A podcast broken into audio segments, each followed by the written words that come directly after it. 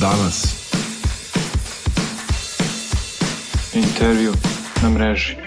Dobar dan, ovo intervju na mreži Lista danas. Ja sam Selena Kusorić, novinarka Danasa.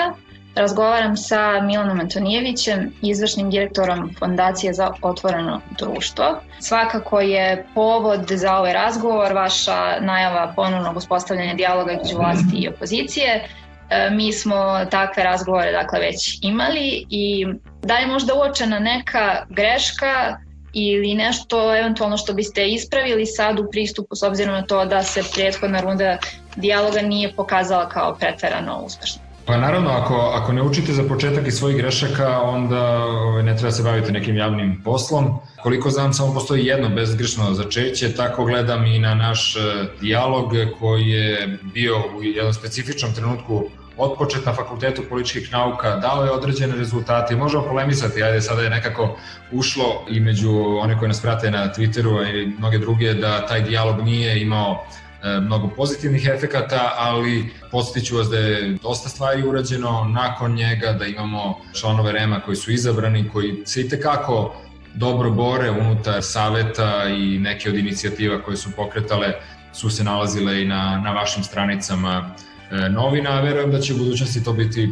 još e, mnogo aktivnije. Govorili smo, znači vi kada otvoreno govorite o pritiscima na birače, kada govorite o nekim drugim pitanjima, to sigurno da je korisno da se znači, suočimo sa time kako izgleda izborni proces, kako izgleda, izgleda sprovođenje izbornih zakona i šta tu organizacije civilnog društva mogu da ponude i šta je moguće, moguće popraviti. Mi smo u taj dijalog, kažem, nekada ušli svesni toga da je to jedan dugoročan višegodišnji proces u kome mi dajemo svoje vreme, ekspertizu i sve ono što čega nema baš mnogo, znači moram priznati i dobru volju s obzirom na to kako izgledaju napadi sa svih strana zbog toga što otvaramo ta pitanja, i, ali kažem to je dugoročno nešto u što smo svesno ušli i gde ne očekujemo da nakon nekoliko meseci sve ono što se nagomilo u prethodne tri decenije ovog višestranačja e, da se od, e, razreši e, na, na jednom, jednoj seriji dijaloga.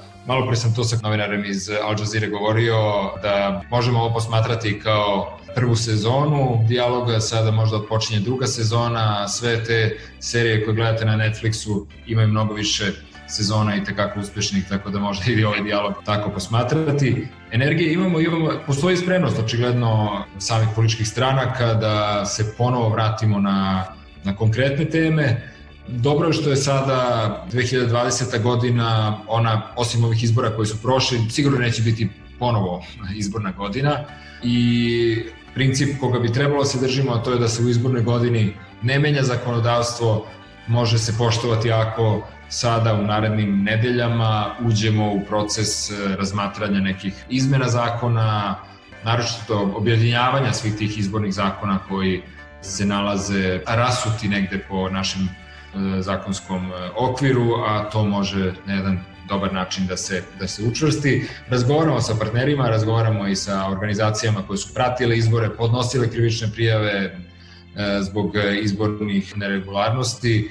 Nadamo se da ćemo za tim stolom imati ponovo i tužilaštvo, znači mi smo njih zvali na FPN da, da budu sa nama, razgovarali smo i kasnije sa evropskim parlamentarcima o tome. Po čemu će se ta druga sezona, kako ste rekli, konkretno razlikovati od prve? Da li je to možda tajming ili nešto drugo? I evo jedan čitalac vas je konkretno pitao koji preduslovi su neophodni da se ispune da bi to zaista bilo uspešno.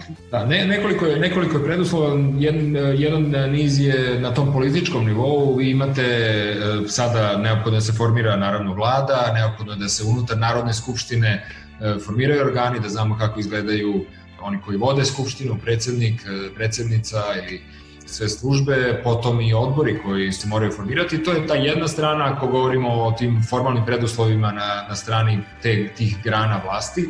Drugi preduslov je naravno da vi imate jasnu sliku i na, na drugoj strani, znači da, da se govori o tome da je taj dijalog ekspertski, on sigurno neće biti na podjednak način nekako politički obojen, izbori nisu iza ćoška, tako da imamo malo drugačiju atmosferu, tamo je sve bilo nekako kao da smo se trkali sa vremenom, a to nam nije bila namera, bilo nam je namera da zaista napravimo temeljnu promenu i zbog toga su neki signali takođe sa svih strana i svih političkih stranaka pozitivni signali nešto što nas učvršćuje u tome da je dobar period.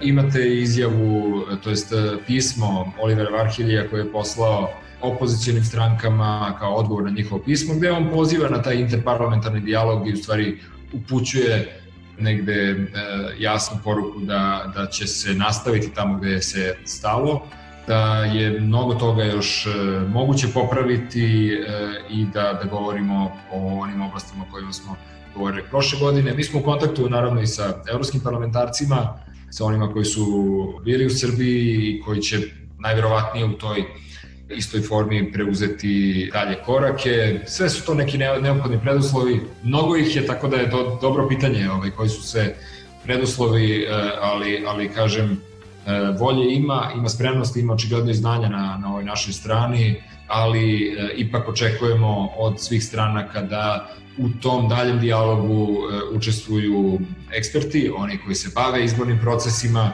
koji mogu davati konkretne predloge i komentare, da se usaglasi to zakonodavstvo, a mnogo značajnije je da se govori o praksi i kako da izađemo iz nekih situacija koje smo videli i na prethodnim izborima. Dobro, da, za eksperte je jasno, ali možda imate neke signale od predstavnika stranaka. Do sad su se oglasili, kako sam ja videla, Boško Obradović, mm -hmm. Konstantin Samofalo, Vuk Jeremić i Vuk Jeremić. Da, čini mi se. Uh, mi, mi imamo razgovore, mislim, ovo su tek pripremne radnje, još je prerano govoriti o konkretnim strankama koje bi učestvovale. Razgovori postoje, postoje naravno kao i prethodnog Mi smo prethodnog maja započeli proces koji je rezultirao dijalogom krajem e, jula, tako da je to govorimo o temeljnim pripremama, govorimo o tome da e, se sa svim strankama mora podjednako razgovarati, da se vidi znači, da oni imaju razumno očekivanja od nečega što je dijalog, da se zna koje su to, ako govorimo o nekim beogradsko-prištinskim relacijama, koje su to crvene linije koje se ne smeju prelaziti i šta je u stvari želja da se, da se postigne. Nadam se sa mnogo manje nepoverenja za stolom, a sa mnogo više poverenja u to da je moguće napraviti e, sistem koji je prilagođen ovom vremenu, a koji ne nosi greške za odpočinjanje tog više parlamentarnog života krajem 80. godina e, i tamo negde 90. 91. kada smo zaplivali u to. Ne bih vas podsjećao na kako su izgledali ti prvi predsednički izbori u, u Srbiji, kakvi su to kandidati bili, tako da neki put jesmo prešli, ali je još mnogo toga i moguće uraditi i trebalo bi staviti, staviti za sto. Kako vi doživljavate to što ni opozicija ne može da se sastavi sad i oni još uvek zameraju jedni drugima mnogo što šta, prvenstveno to ko je izašao na izbore, ko nije. Kako sad gledate i na to? Mislim, to jeste drugi tip da, razgovora, ali opet, da li... Drugi, drugi tip razgovora, ovaj, ali, ali to jesu neke još uvek dečije, dečije bolesti. Mislim da, da iz svih ovih procesa treba izaći mnogo zreliji i realniji da govorimo o tome kako izgleda okruženje. Nije isto kao kada smo započinjali razgovore e, proteklog jula i leta, e, umeđu vremenu desila se i pandemija i mnogi stvari su se izmenile i na tom negde planu očekivanja građana, ekonomska, socijalna prava, mogu biti ugrožena i to ne treba zlopotrebljavati, već naprotiv treba učvrstiti institucije, treba učvrstiti taj izborni sistem, znači i taj deo koji se tiče demokratije i uopšte mogućnosti da, da vas zaista predstavnici u parlamentu na, na, prav, na valjan način predstavljaju.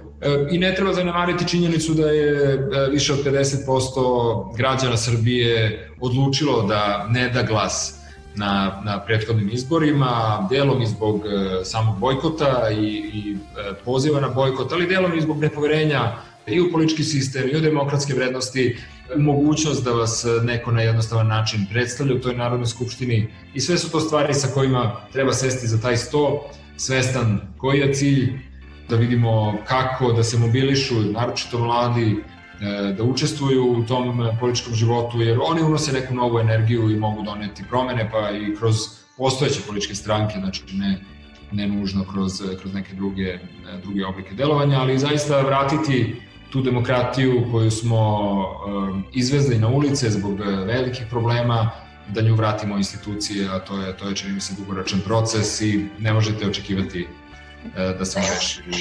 Našu čitateljku zanima da li će razgovori opet biti tajni. Tajnost nije reč koja je bila ovaj, negde, negde odluka dijaloga, ali e, tako da čisto da naučili smo jednu reč, čini mi se svi ovaj, koji su čitali danas, a to je Chatham House, to je pravilo koje omogućava mnogo iskrenije razgovore gde se ti detalji i ta bura koja se obično dešava na, na razgovorima ne prenose, već se govori o tome šta je postignuto kao dogovor. Razmatrat ćemo još prerano da se, da se kaže e, da li će ti razgovori biti vođeni na, na podjedak način, znači korišćenjem svih onih mehanizama koje smo započeli, e, znači Chatham House, kasnije što je, što je preuzeo i Evropski parlament, znači u svom formatu.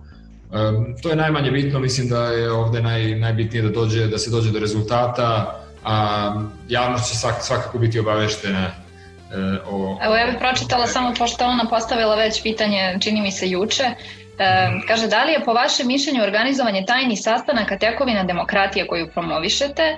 Ona smatra da je upravo tim sastancima vlasti opozicije da ste zadali veliki udarac mirnim protestima građana i ona takođe kaže da iz sleda događaja nakon tih sastanaka se stiče utisak da ste pomogli Vučiću i zadali jako udarac građanima koji su protestovali. Šta vi njoj govorite? Pa, pa, eh, ajde da, da ako pitate, eh, eh, hvala, mislim, mislim da je to iskreno viđenje onoga što smo radili, ali treba nekako uzeti u obzir da je i druga strana govorila da je ono što radimo u interesu, ajde konkretno da kažemo, Dragana Đilasa ili i opozicijonih stranaka, tako da Ovaj, bojim se da je, da je negde prava ocena onoga što smo radili na, na sredini, tamo gde bi trebalo da bude, e, a to je da smo pokušali neke procese da, da vratimo, da e, govorimo otvoreno o tome kako izgledaju mediji, koji su problemi, pa i ti protesti koje pominjate, oni nisu mogli da budu viđeni na javnom servisu, nisu mogli da budu prikazani na, na pravi način svim građanima, i, a to nam je bio cilj. Znači, i sa, sa objektivnim izveštavanjem onome što se dešava u Srbiji, svi dobijamo. Znači, i oni koji žele da, da svoje nezadovoljstvo izraze na ulici, protestujući, koristeći ustavno pravo na slobodu okupljanja koje je neprikosnoveno i brojna druga prava za koje se zajedno borimo. Teško je dati neku tako ni pozitivnu ocenu, ni negativnu, ali, ali razumem nezadovoljstvo. Nama to nije bio cilj, ne znam koliko ću moram da gledam kameru da biste verovali e, da sam e, iskren u tome, ali, ali mislim da će se i po onome što se tokom godina bude dešavalo, da će biti jasno da je i Fakultet političkih nauka i Fondacija za otvoreno društvo, mi se zalažemo za vrednosti otvorenog društva, a ta tajnost nije bila tajnost, već je bila jedini mogući način da vi u istoj prostoriji imate sve predstavnike političkih stranaka, da imate tada lidere ovaj, opozicije koji su došli na taj sastanak, da taj dijalog i uopšte e, dogovaranje o temama prođe vrlo uspešno. Kasnije, kada smo ušli konkretno u teme e, i medija i e, pritisaka na birače i izborne administracije, nekako taj format nije dao dovoljno, dovoljno rezultata jer se premalo verovalo, čini mi se, u dijalog, ali postoji mogućnost da to ispravimo sada kada ima i više vremena i nema tog pritiska i veoma je teško sada dati neku ocenu da otvaranje dijaloga ide bilo kome na, na ruku, naročito ne e, vladajućoj stranci, tako da, da mislim da će biti olakšano da se negde vrati vera u dijalog jer nam je to i bila svrha. Pitanje od čitalaca imam još dva. Jedno je e, šta očekujete od izveštaja Ruske komisije, s obzirom to se očekuje da će upravo taj deo se takođe naći u izveštaju Da. Pa dobro, 5. 5. oktobar je dobar datum da se e, objavi, objavi izveštaj Evropske komisije. On će biti oštar kao i što se očekuje. On će govoriti zaista o, o e, svemu što se dešavalo u prethodnoj godini, o mogućnosti nekim ograničenjima ljudskih prava, o samom izbornom procesu, o tome koliko su poštovani e, zakoni koji se odnose koji se konkretno tiču, tiču izbora i mislim da će nam to biti neki dodatni vetar u leđa da iskreno stanemo pred e, sve donosioce odluka u Srbiji da, da govorimo o tome koji su nedostaci onoga što u čemu živimo i koji su koraci da se e, iz, toga, iz toga izađe. Što iskrenije, što otvorenije, to bolje. Mislim da će ovaj izveštaj biti neće biti diplomatičan, već će biti zaista e, konstruktivan i da će dobar, dobar pregled onoga što se i dešavalo, a da će negde predloge šta i kako da se izađe iz e, pojedinih delova tog zaista e, ušančenog odnosa unutar, unutar društva. E, jer za, u ovakvim kriznim periodima, a COVID nam je zasigurno krizni period, znači mislim da se tu svi slažemo, treba tražiti nove načine e, izlaska iz krize, govoriti o toj solidarnosti, o neophodnim promenama uopšte za unapređenje prava i u krajnjoj liniji mi ovde govorimo o ekonomskim i socijalnim pravima i načinu na koji ćemo negde motivisati na pravi način ekonomski razvoj i, i sve ono što, što takođe zagovaramo na nekom drugom planu kroz onaj mini Schengen i neke inicijative koje su našle svoje mesto i u tim i verovatno će naći svoje mesto i u izveštaju Evropske komisije. Tako da čekamo taj 5. oktobar, vidjet ćemo kako će izgledati. Čekamo možda i 6. oktobar i neke datume koje zaista treba vratiti u optici. Još jedno pitanje koje malo, malo izlazi iz okvira ove teme, ali mislim da je bukvalno više od polovine pitanja se odnosilo na finansiranje vaše fondacije, pa ako možete našim pratiocima da kažete kako se finansira fondacija? E, pa to je, to je jednostavno. Fondacija za otvoreno društvo je deo globalne fondacije za otvoreno društvo. Ne sprovodimo projekte, to negde mora, mora bude jasno ovaj, i vašim, vašim čitalcima. Mi smo organizacija koja podržava druge organizacije e, u svom radu i to jeste novac kojim Fondacija za otvoreno društvo na globalnom nivou raspolaže, znači kao neki ne znam kako poređenje da, da napravim, e, ali može se negde porediti sa ministarstvom i godišnjim budžetom kojim ono raspolaže i na taj način pomaže neke stvari koje se dešavaju na, na terenu. E, nama je sedište u Njurku, znači fondacija koju ja vodim u Beogradu. Mi jesmo domaća fondacija po registrovanju, e, ali nam je naravno sedište u Njurku. Možete pratiti Patrika Gaspara, veoma zanimljivog predsednika fondacije koji se nije nešto, ovaj, e, nije ovde prepoznat kao čovek koji je na čelu fondacije, ali mislim da bi trebalo malo bolje pratiti šta on radi, jer je vrlo zanimljiv i na tom nekom američkom političkom planu i zanimljive inicijative globalno fondacija pokreće, neke od njih ovde mi takođe ovaj, podržavamo, a neke su i tekako značajne, ajde da navedemo možda, možda nekoliko. Podrška zdravstvenom sistemu je i tekako E, velika, imate e, e, mnogo, mnogo aktivnosti koje se tiču legalizacije pojedinih opojnih sredstava, i to su sve neke globalne akcije koje su vrlo zanimljive i mislim da su mogu da budu vrlo ove, primenjive i u, i u Srbiji, a dobre volje ima, ima organizacija koje prate sve te teme od zaštite ljudskih prava i brojnih drugih pa do slobode medija i tako dalje i tako dalje. Ali jasno je, mislim, ima, imate izveštaj na sajtu ovaj, APR-a, tako da ako bi bilo koga zanima možemo odgovarati na ta konkretna pitanja. Kažem, porediti to sa nekim ministarstvom koje svoja sredstva e, ulaže u razvoj civilnog društva, akademske zajednice, svih onih koji se bave nekim istraživanjima, digitalnim pravima i da ne nabrajem šta sve podržavamo. Smo bili aktivni, ako ima, bili smo ovaj, izuzetno aktivni i sada tokom COVID-a.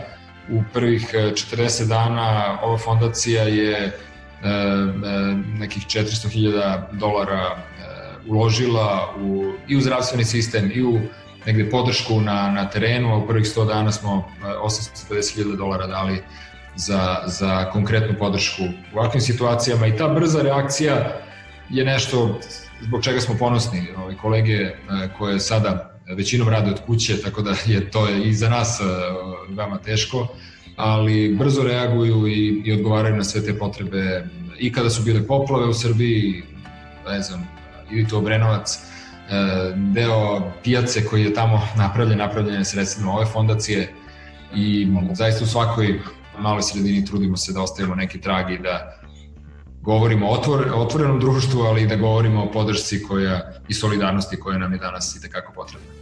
Hvala na opširnom odgovoru, hvala na vremenu, hvala svima koji... Malo opširniji, ali dobro. I hvala svima koji su postavili pitanja. Prijetno. Hvala na, na mogućnosti da odgovaram ovako otvoreno. Prijetno. Danas. Intervju na mreži.